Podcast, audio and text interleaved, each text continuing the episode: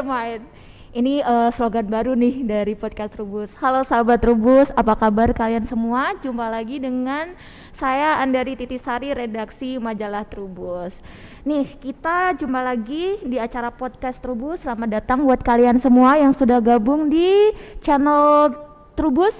Selamat menikmati ya. Nanti satu jam ke depan kita akan ngobrol tentang editorial majalah Trubus.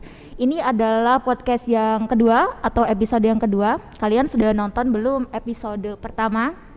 Kalau sampai belum nonton episode pertama sih uh, gawat banget ya. Karena nanti kalian bakalan ketinggalan berbagai macam uh, informasi seputar dunia pertanian. Aku mau review sebentar ya buat sahabat Rubus yang mungkin uh, belum nonton di episode pertama. Di episode pertama kemarin kita bahas tentang bisnis uh, gula organik buat kalian bisa cek ulang bukan cuma gula organik tapi ada juga teh organik dan juga ada kopi. Kalian bisa cek ulang ya videonya di Trubus channel atau kalau misalnya kalian lebih prefer untuk uh, mendengarkan aja tanpa lihat videonya bisa denger di Spotify podcast Trubus.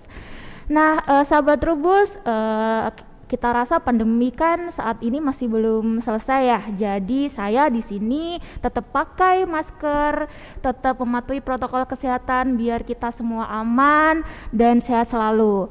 Nah, di podcast Rubus episode kedua ini kita akan membahas tentang minuman probiotik. Kalian pernah dengar nggak sih minuman probiotik? Uh, aku sendiri kadang-kadang masih bingung sih antara minuman probiotik dengan minuman prebiotik. Nah, di masa pandemi ini minuman-minuman probiotik atau minuman kesehatan itu sangat penting untuk menjaga stamina tubuh kita. Terus uh, dan juga dengar-dengar nih minuman probiotik itu lebih enak loh dibanding dengan herbal atau dibanding dengan jamu. Itu kan masih denger-denger ya dari akunya. Nah, untuk lebih tahu lebih jelasnya kita langsung aja ngobrol dengan Bapak Sardi Duryatmo, pemimpin redaksi majalah Trubus. Apa kabar Pak Sardi? Kabar baik, itu gimana? Sehat? Sehat. Aku kok lihatnya ada yang beda sih sama Pak Sardi, pakainya hoodie nih. Jadi kelihatan lebih muda atau gimana nih? Karena kan podcast Trubus itu uh, boleh dibilang yang nontonnya tuh lebih muda, Pak Sardi lebih milenial. Jadi menyesuaikan atau gimana nih? Iya dong, kan minumnya juga probiotik lebih muda, lebih sehat. Oh gitu. Iya. Emang minuman probiotik bisa bikin awet muda? Iyalah karena karena kalau kita sehat, pencernaannya mm -hmm. bagus, mm -hmm. probiotik tadi ya kita menjadi lebih segar dan tampak lebih awet muda gitu. Oke, jadi nanti kalau gitu aku mau minum itu ah minuman probiotik. probiotik iya, harus dicoba lah. harus dicoba. Nah, sahabat Rubus, minuman probiotik ini akan diulas di edisi September ya Pak Sardi, yep. edisi September 2021 karena Pak Sardi ini adalah yang menggawangi isi dari majalah Trubus, kita langsung nanya aja. Pak Sardi, pengen tahu dong minuman probiotik itu apa Pak Sardi? Ya, tadi sudah disinggung oleh Titis. Latar belakang kenapa Trubus September mengangkat minuman probiotik, PPKM masih berlanjut sampai masih, hari ini. Masih, ini kita masih pakai masker, masker nih, agak ya. ngap dikit tapi nggak apa-apa ya Sardi. Masker dan saya menemukan, maksudnya tim redaksi menemukan banyak kasus orang-orang yang positif corona kondisinya terus membaik dan mm -hmm. akhirnya negatif setelah rutin mengonsumsi minuman probiotik. Oh, oke. Okay. Uh, tadi ditanyakan oleh Titis juga minuman probiotik mm. apa sih? Sebenarnya probiotik tadi bakteri yang bermanfaat bagi kesehatan tubuh kita, khususnya saluran pencernaan. Saya mencontohkan misalnya Lactobacillus, Bifidobacterium gitu.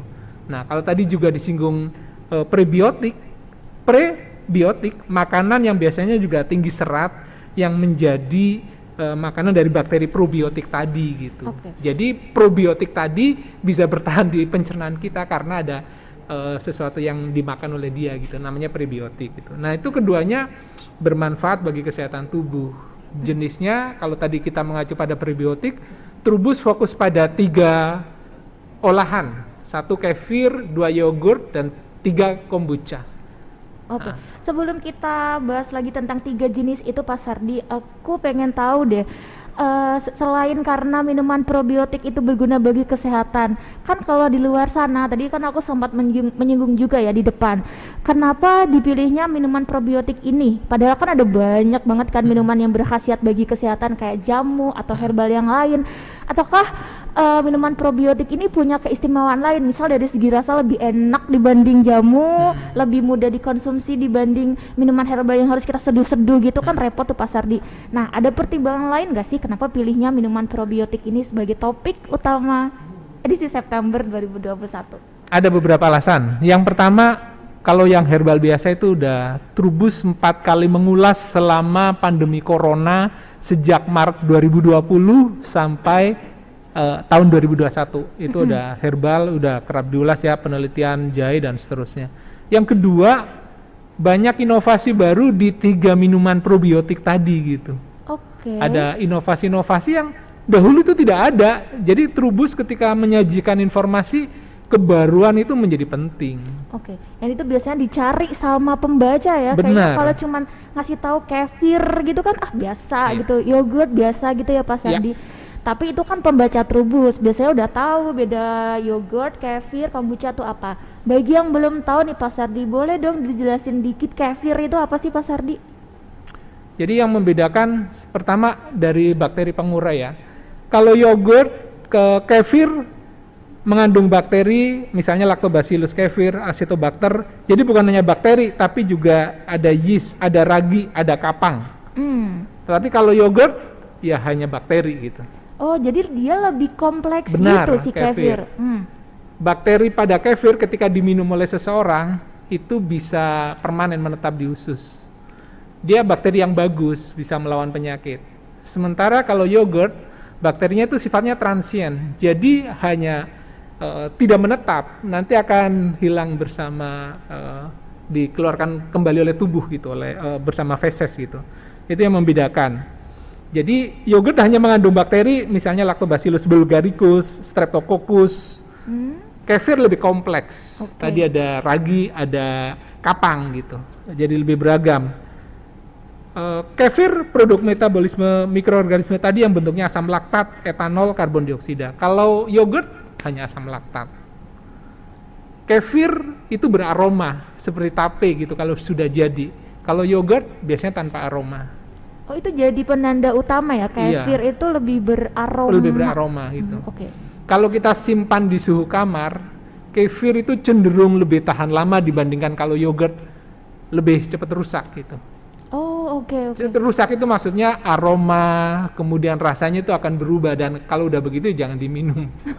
kalau itu kan dari segi kandungannya yeah. dia udah hmm. beda. Kalau misalnya kefir tuh sahabat rubus ya, kefir tuh dia lebih kompleks selain ada bakteri, ada juga kapang tadi ya Pak Sardi ya. Ragi. Ragi hmm. dan semuanya itu bagus buat tubuh kita gitu. Hmm. Nah, kalau dari uh, penampakan Pak Sardi kalau di uh, diperbandingkan antara kefir sama yogurt itu bentuknya seperti apa sih Pak Sardi? Secara umum sebetulnya kalau uh, sekarang ada modifikasi-modifikasi ya hmm. uh, berbeda gitu. Uh, kefir cenderung lebih apa ya lebih kekentalannya lebih rendah gitu ya okay. dibandingkan dengan yogurt.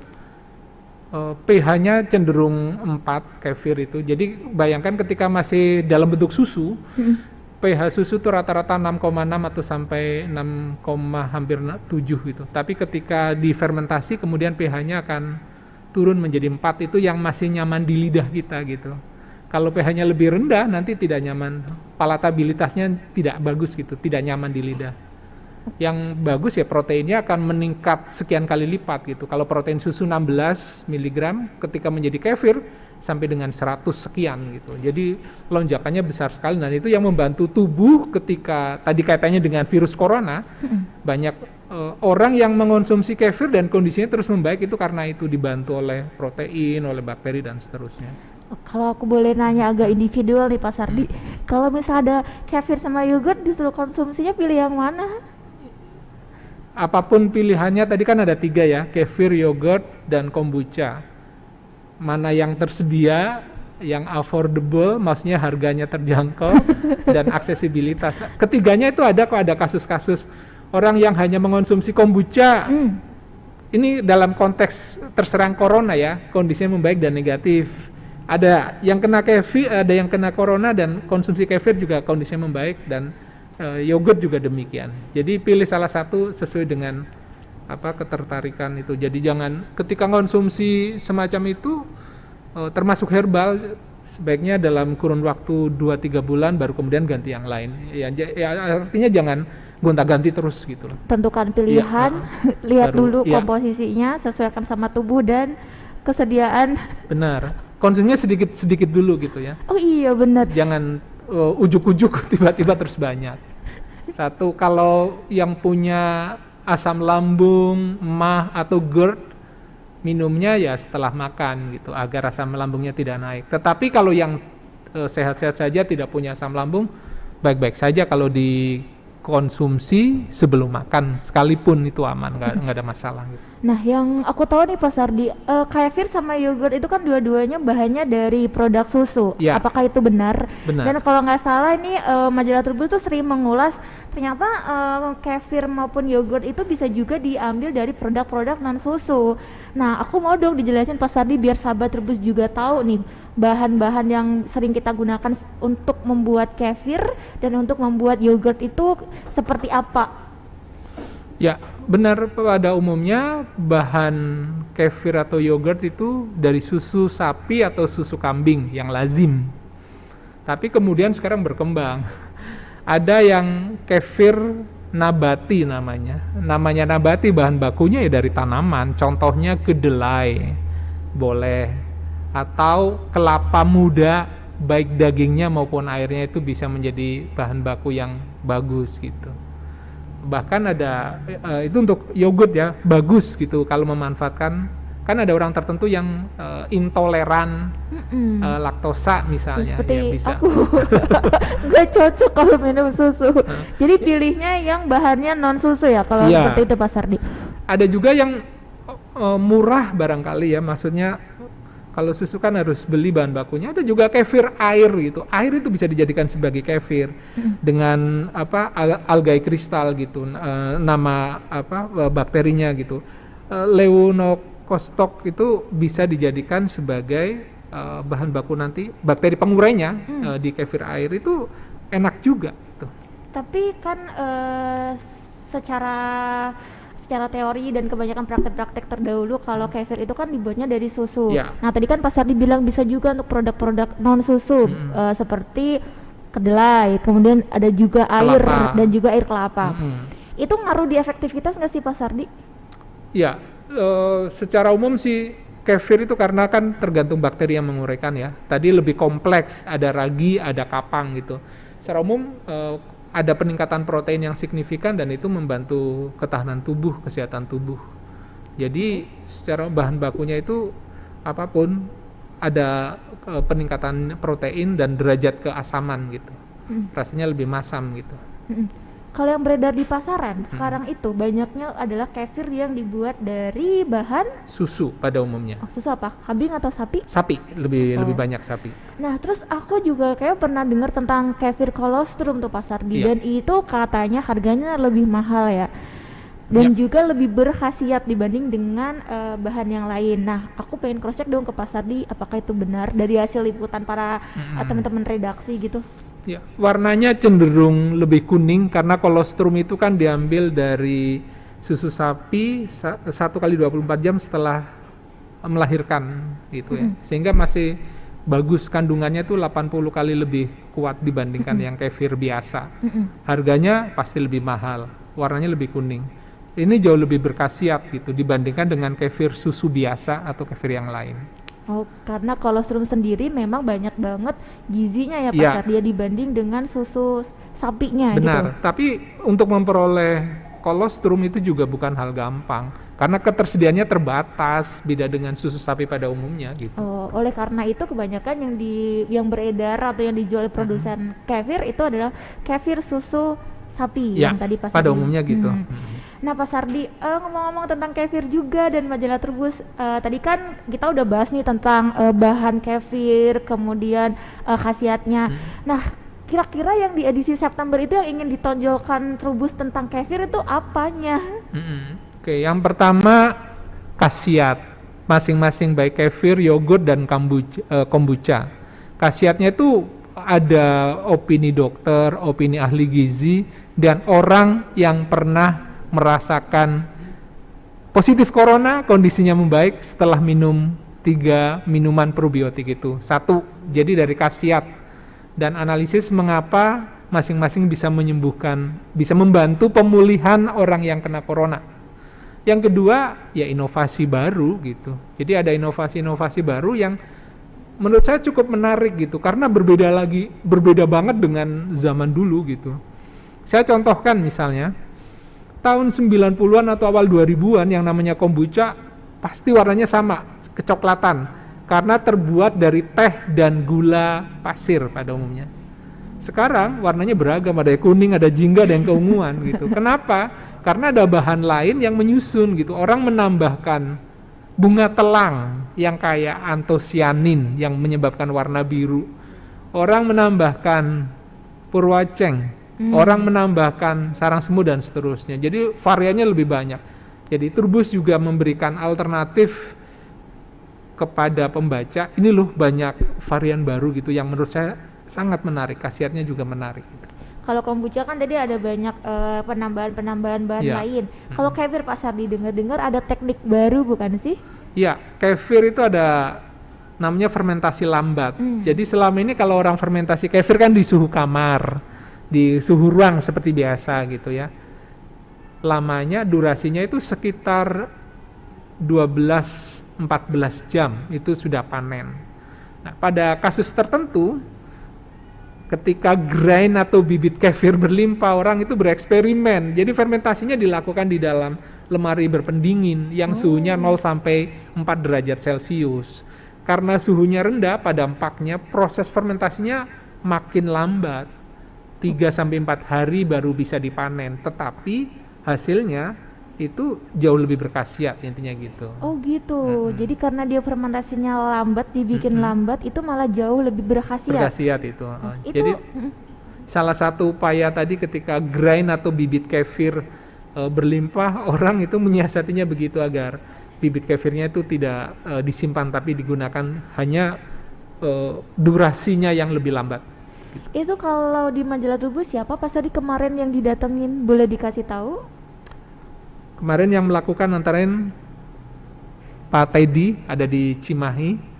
Dia produsen kefir yang cukup lama dan pengalaman gitu. Itu juga melakukan proses fermentasi lambat. Udah setahun terakhir dia coba dan hasilnya bagus terutama ketika ada orang yang terkena gejala serangan corona gitu. Itu membantu melegakan jalan napas bagi eh, mereka yang sudah mencoba katanya. Oke. Lebih plong. Kalau boleh tahu nih Pak Sardi, eh, rata-rata eh, tadi kan Pak Sardi bilang untuk membuat kefir itu bisa dilakukan di suhu kamar. Kalau seperti itu eh, boleh dibilang nggak sih Pak kalau membuat kefir itu bisa dilakukan oleh siapa aja dan bisa dilakukan dalam eh, skala rumahan. Jadi bisa bisa dijadiin bisnis gitu Pak Sardi. Persis. Jadi kefir, yogurt atau kombucha sangat memungkinkan dikerjakan di rumah, tidak perlu lahan luas. Iya itu. Di dapur satu kali dua meter sekalipun tuh bisa. Kuncinya kebersihan. Maksudnya gimana kebersihan Iya. ah, kebersihan alat, kebersihan si pembuatnya Mm-hmm. apa gimana tuh? Kebersihan alat, kebersihan orang yang membuat, kebersihan ruangan. Karena ini kan terkait dengan fermentasi. Jangan sampai terus fermentasi itu dimasukin oleh bakteri yang membahayakan gitu. Kalau lactobacillus ya lactobacillus gitu yang biarkan bekerja. Wadahnya harus bersih agar biasanya kalau kefir sih titik eh, kendalanya misalnya pasteurisasi yang tidak bagus menyebabkan kefirnya gagal gitu. Alat berarti kan. Nah, itu juga menjadi penting. Itu yang penting lokasinya bersih, alat wadahnya semuanya bersih, orangnya juga bersih. Oke, berarti siapa pun bisa dong bi- kalau misalnya eh, mau bikin kefir atau mau bikin yogurt maupun kombucha tuh bisa. Sangat memungkinkan. Bisa. Untuk konsumsi keluarga juga bagus, sehat. Pak Sadi udah praktekin belum? Sudah beberapa reporter Trubus membuat membuat di rumah. Iya benar ada Nah. reporter rebus yang berhasil ya buat Iya, kefir ya berhasil, Pak iya, kefir, iya. Nah itu kan eh, kalau untuk bikin kefir itu kalau nggak salah kan ada harus ada bibitnya. Iya. Nah itu gimana tuh Pak Sardi kalau misalnya nih, eh, aku nih kan belum pernah nih bikin kefir, bikin yogurt ataupun kombucha. Apa sih yang harus saya lakukan Pak Sardi pertama kali gitu? Ya, jadi baik yogurt, kefir atau kombucha itu harus ditambahkan bibit. Kalau di kefir yogurt itu namanya grain atau Hmm. bibit itu. Mm-mm. Sekarang gampang sekali ya di era digital. Maksud saya banyak eh, marketplace yang menyediakan bibit-bibit itu. Kalau mau kontak langsung, paling mudah menurut saya sih gabung dengan komunitas. Oh, di tiga iya. komunitas ini ada komunitas, ada komunitas kefir, ada komunitas yogurt, ada komunitas kombucha Indonesia. Masuk di komunitas dan kemudian membeli eh, benihnya, bibitnya. Bibitnya di sana. Kalau ingin tahu lebih detail, baca majalah kelas Trubus. Trubus juga nanti barangkali ini ya Mengadakan mengundang pelatihan. bisa gabung join di situ menurut saya juga menarik gitu keren gitu Betul banget Hmm. Pak Sardi. Nah Pak Sardi itu kalau tadi kan kefir ya, itu ada inovasi baru tentang fermentasi lambung. Kalau yogurt ada inovasi baru juga nggak yang ditampilin atau yang ditonjolin di September ini? Mm-mm. ya tadi pemanfaatan bahan non dairy ya atau yang non susu memanfaatkan kelapa dan kedelai itu itu di yogurt kalau kombucha tadi memanfaatkan beragam herbal yang sebetulnya sudah lama kita tahu itu sangat bermanfaat gitu saya contohkan misalnya bunga telang Clitoria ternatea itu bermanfaat untuk menjaga kekebalan tubuh kombucha udah untuk kekebalan tubuh ditambahkan telang gitu makanya menjadi lebih kuat gitu lebih bagus Nah aku di sini ada contohnya nih kombucha. ini adalah contoh kombucha nih sahabat Trubus. Ini salah satu produsen kombucha ya Pak Sardi Iya. ya. Tadi Pak Sardi kan menyinggung juga kalau dulu eh, kombucha itu kalau dulu kombucha itu kan hanya fermentasi teh saja ya Pak Sardi ya. teh dan gula Fermentasi teh dan gula. Nanti kita ngobrolnya kenapa harus ada gula di situ. Hmm. Nah, kalau kombucha itu kan fermentasi teh dan gula. Tapi sekarang ada juga fermen fermentasinya bukan cuma teh dan gula, tapi ada juga bahan lain. Kalau ini contohnya adalah eh, dicampur dengan bunga telang bunga telang. Oke. Jadi warnanya agak keunguan ya. Mm-mm.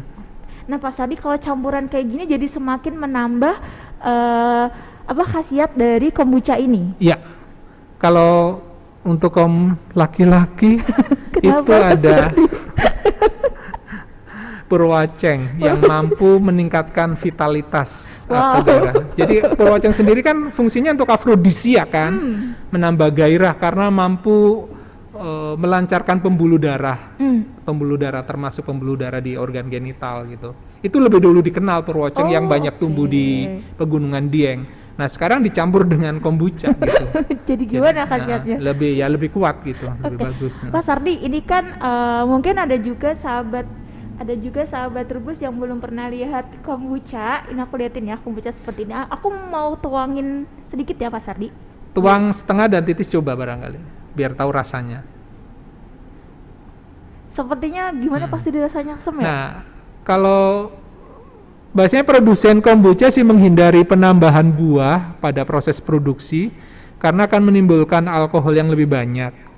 Eh, mengapa dihindari? Karena biasanya untuk pengiriman luar kota menyebabkan gas terakumulasi dan bisa terjadi apa eh, botol pecah gitu ya. Hmm. Oleh karena itu kalau mau menambahkan buah boleh tetapi untuk konsumsi sendiri ya. Kalau untuk sengaja mengirim keluar tadi kan ada arah ke bisnis juga Mm-mm. itu dihindari karena tadi akumulasi gasnya jauh lebih banyak dibandingkan kalau tanpa buah irisan Oke, buah. jadi Nah, kalau ini lebih aman gitu. Jadi kebanyakan kalau pencampuran bahan untuk kombucha itu eh, non buah ya. Karena tadi terutama untuk pengiriman di Luar luar, kota, kota, karena iya, nanti akan betul. menimbulkan gas. Ya. Oke. Kalau Apalagi misalnya kalau kon- pengirimannya juga tidak di suhu dingin ya, itu eh, akan semakin memicu akumulasi gasnya sema- semakin banyak gitu. Oh, Oke, aku coba sebentar. Iya. Boleh buka masker kan, teman-teman? Jadi Mm-mm. aku buka bentar. Warnanya gimana? Warnanya kalau dulu coklat, sekarang agak Oh, keunguan gitu. kan? Tuh. Dikit ya. Kayak kayaknya rasanya asam ya, Pak Sandi. Sambil senyum biar lebih manis. Hmm, ya sih, asam sih. Masa? Lumayan. Tapi ini aku dulu pernah nyobain kefir nih sahabat rubus. Mirip-mirip juga sih 11 12 asam-asam juga. Iya. Nah, Pak Sardi biasanya kan orang kalau misalnya minum yang asam-asam gini ya khawatir ya. Eh, tadi kan meskipun Pak Sardi udah bilang baik juga buat pencernaan, Mm-mm. tapi ini asam banget. Itu aman gak sih Pak Sardi? aman Eh, sejauh ini maksudnya kalau tadi kan di awal saya sampaikan kalau punya asam lambung, Hmm. GERD, MAH konsumsinya setelah makan. Mm-mm. Tetapi kalau titis kan sejauh ini aman. Jadi belum makan pun boleh sarapan itu. Pak Sardi dulu kan Pak Sardi bilang lebih coklat ya. ya, karena tidak ada campuran bahan lain dulu kan. Nanti kalau misalnya dicampur dengan purwaceng, nanti Nah. warnanya lain lagi. Iya, dicampur betul. dengan apa lagi Pak Sardi? Ada nanas warnanya lebih kuning jernih. Oh. Nanas juga. Itu semuanya bahan yang dicampurkan itu apakah esen atau bahan alami ya? Oh semuanya alami, jadi nggak pakai esen. Jadi kalau Oh. telang sekarang kan banyak mudah diperoleh. Jadi buah bunga aslinya kalau telang. Mm-mm. Purwoceng juga sama, batang daunnya yang digunakan. Nanas buah aslinya bukan esen, asli. Oh oke oke. Biar Mm-mm. sahabat tebus tahu kalau Mm-mm. biasanya kan untuk penambahan-penambahan seperti itu, kan apalagi ini kan cair nih Pak Sardi. Iya, Hmm. Berarti fermentasinya langsung dengan bahan yang alami itu. betul. Fermentasinya tuh bareng gitu. Ya. Tahu kok kalau misalnya kombucha itu kan eh, ada teh, ada. Gula. Gula. Gula nih, mau dijelasin nih Pak Sardi. Gula ini bahaya nggak sih kan buat orang diabetes? Ini ada gulanya. Hmm, Iya. Gimana tuh? Jadi mm, kalau kombucha itu difermentasi sampai 4 12 14 hari pada Hmm. umumnya. Pada hari ketujuh setelah fermentasi, gula itu cenderung terurai. Oh, makin oke. lama durasi fermentasi, gulanya semakin rendah dan itu aman bagi penderita diabetes C atau diabetes mellitus. Sebenarnya kalau di kombucha, kenapa dia ada gulanya Pak Sardi? Nah, Sedangkan di kefir sama yogurt tadi Pak Sardi nggak nyinggung gula sama sekali. ya. Kenapa? Padahal sama-sama fermentasi iya, nih. Karena di teh itu ketika membuat kombucha kan tawar. Sementara bakteri yang mengurai itu perlu makanan juga, makanya diberi gula. Oke. Pada kefir dan yogurt, susu itu sebetulnya ada bahan yang sudah cukup gitu Mm-mm. untuk konsumsi bakteri pengurai di Oh. situ. Nah, kalau tadi kan ini ada penambahan bahan. Apakah itu bareng-bareng? Mm-mm. Ataukah ini fermentasi dulu nih eh, antara teh, gula sama eh, bibitnya. Nanti setelah jadi baru ditambah eh, ini bahan pelengkapnya seperti bunga Mm-mm. telak. Nah, kalau eh, penambahan bahan seperti ini cara membuatnya gimana? Ada dua cara sebetulnya. Oh, Produsen ada yang melakukan sekaligus sejak awal karena lebih praktis. Teh yang sudah dingin ada gula kemudian dimasukkan Scooby atau bibit kombucha. Scooby namanya. Symbiotic eh, culture bacteria and yeast Scooby, Scooby Doo. nah, itu kartun. Scooby. Nah, kemudian masukkan bunga telang, masukkan purwoceng, masukkan bahkan ada sarang semut yang dulu sempat terkenal sebagai anti kanker. Benar. itu dimasukkan juga gitu. Nah, itu sekaligus. Tapi ada juga yang setelah panen baru kemudian ditambahkan gitu. Oh, berarti mm, dua cara itu Iya. sama-sama oke lah ya, Oke, sama-sama berkhasiat.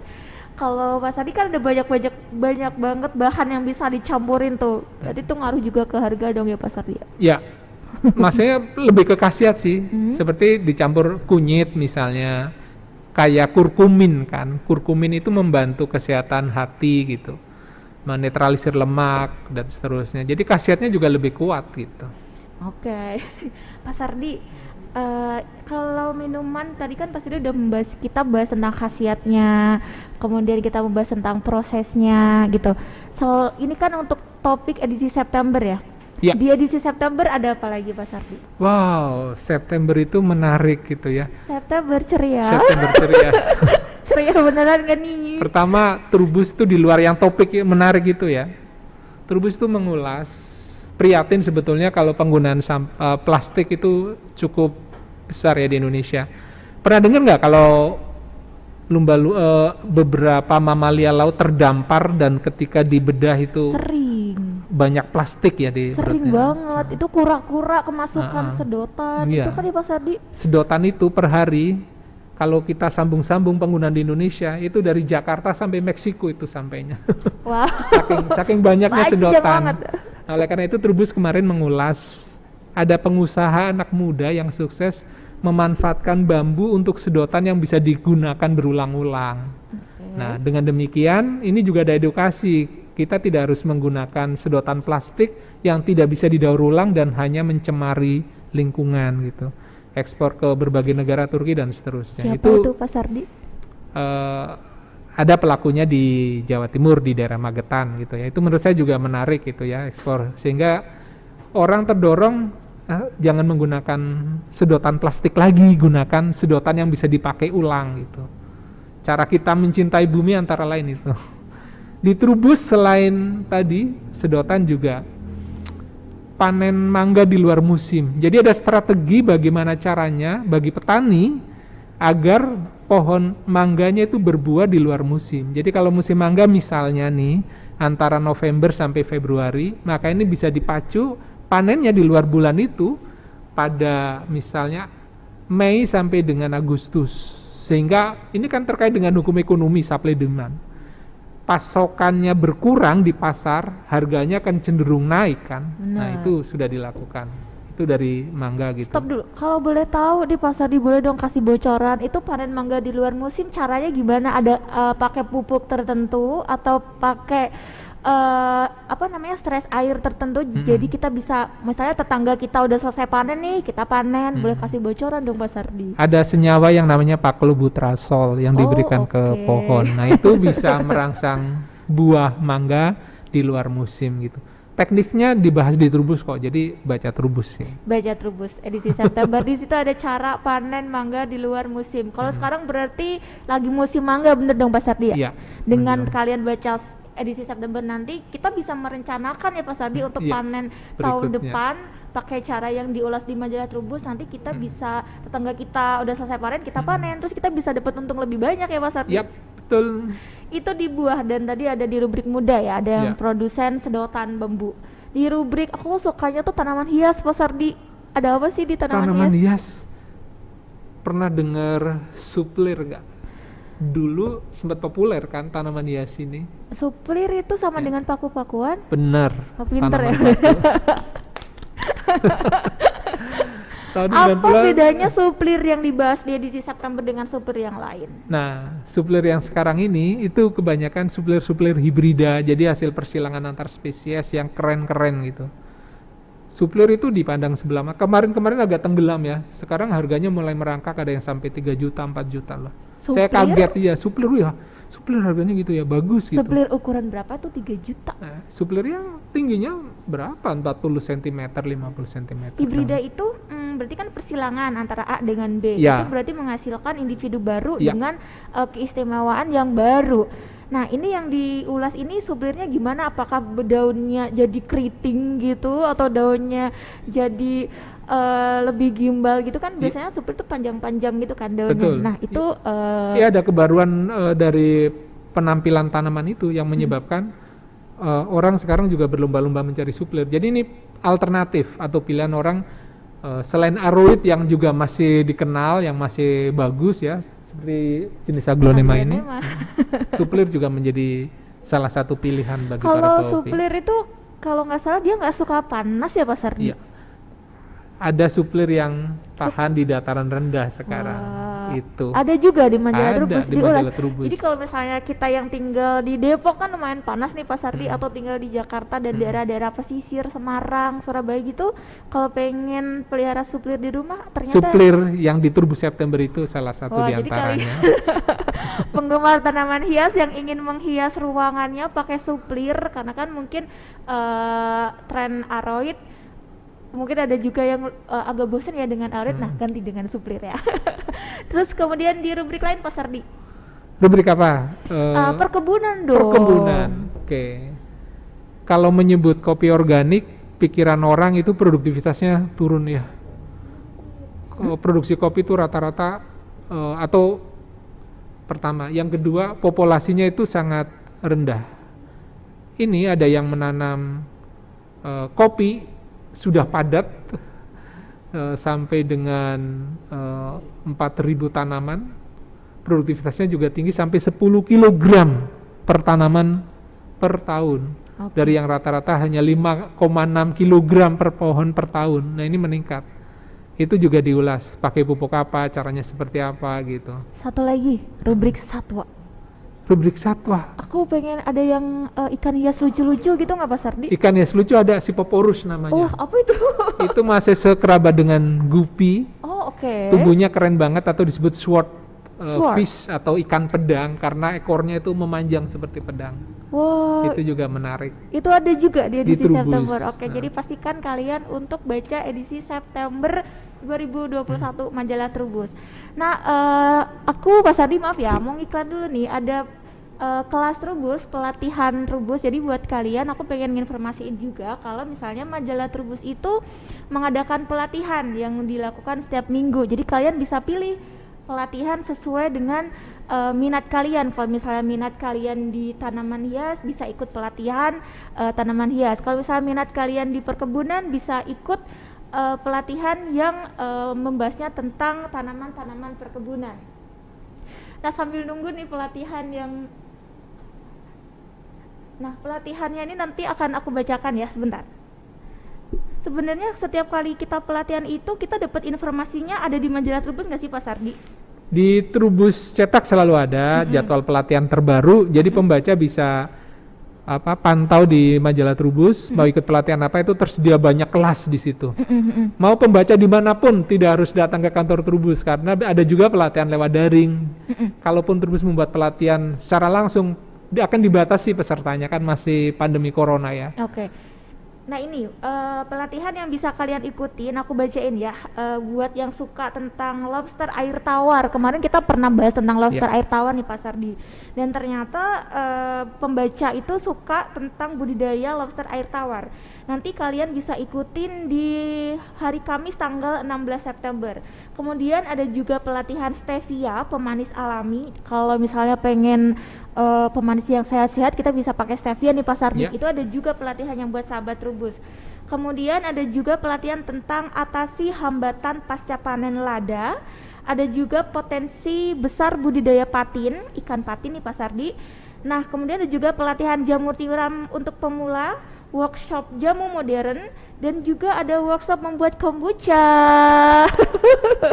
Akhirnya, jadi buat sahabat Rubus yang pengen bikin kombucha sendiri itu bisa ikut pelatihannya di hari Sabtu tanggal 4 September.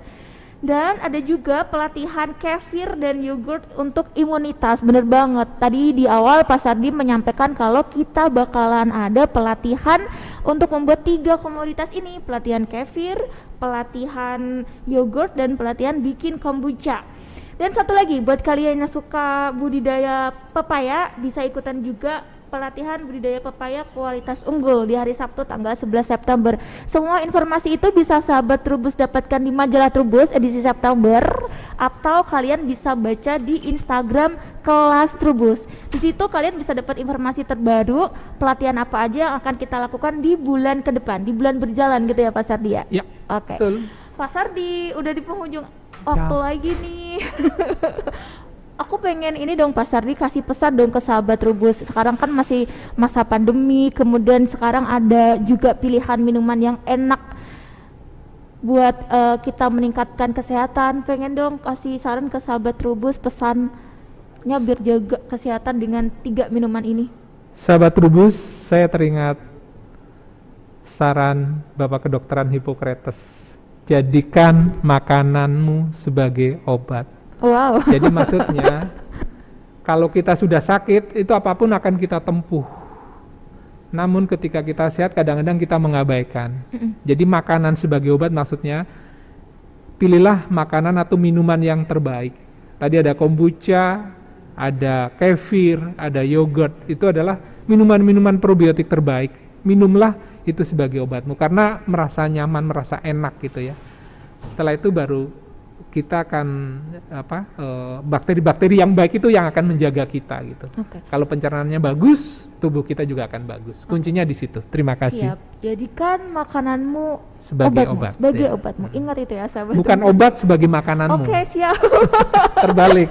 ya jadikan makananmu sebagai obatmu bukan obat sebagai, Sebagai makanan makananmu. oke aku aku ingat-ingat terus nih Pak Sardi nah Pak Sardi edisi September ini sudah beredar belum Pelanggan itu akan menerima pada tanggal 25 atau 26. Lebih awal dibandingkan kalau beli eceran. oke siap. Makanya titis juga harus langganan. harus juga nih Pak Sardi Kalau di pasaran tanggal 1 September. oke jadi kalau misalnya di pasaran bisa didapatkan di toko-toko buku Iya. atau di mana Agen. Di agen juga Nah. bisa didapatkan. Kalau sulit bisa hubungi Trubus langsung nanti Oke. dikirimkan ke sana. Siap, oke. Terima kasih banyak Pak Sardi atas informasinya, atas bedah editorial untuk edisi September majalah Trubus. Nah, sahabat Trubus, eh, sampai di sini dulu ya kita ngobrolin tentang isi edisi September 2021. Pastikan kalian baca majalah Trubusnya, bisa kalian dapatkan di marketplace juga dong Pak Sardi, ada di Shopee dan Tokopedia. Saya akhiri dulu untuk podcast di episode 2 kali ini. Terima kasih banyak buat Pak Sardi. Terima kasih sahabat Trubus sampai bertemu di edisi yang akan datang. Bulan depan kita ketemu lagi lah Pak Ya. Sarti. Jangan bosan-bosan ya sahabat rebus sama kita berdua karena kita akan bahas tren eh, atau informasi pertanian terkini. Terima kasih buat sahabat rebus yang sudah bergabung di YouTube dan juga buat kalian yang ketinggalan bisa lihat rekamannya atau kalian bisa dengar di Spotify Trubus Podcast. Terima kasih atas kesediaannya Pak Sardi. Sampai jumpa sahabat Trubus.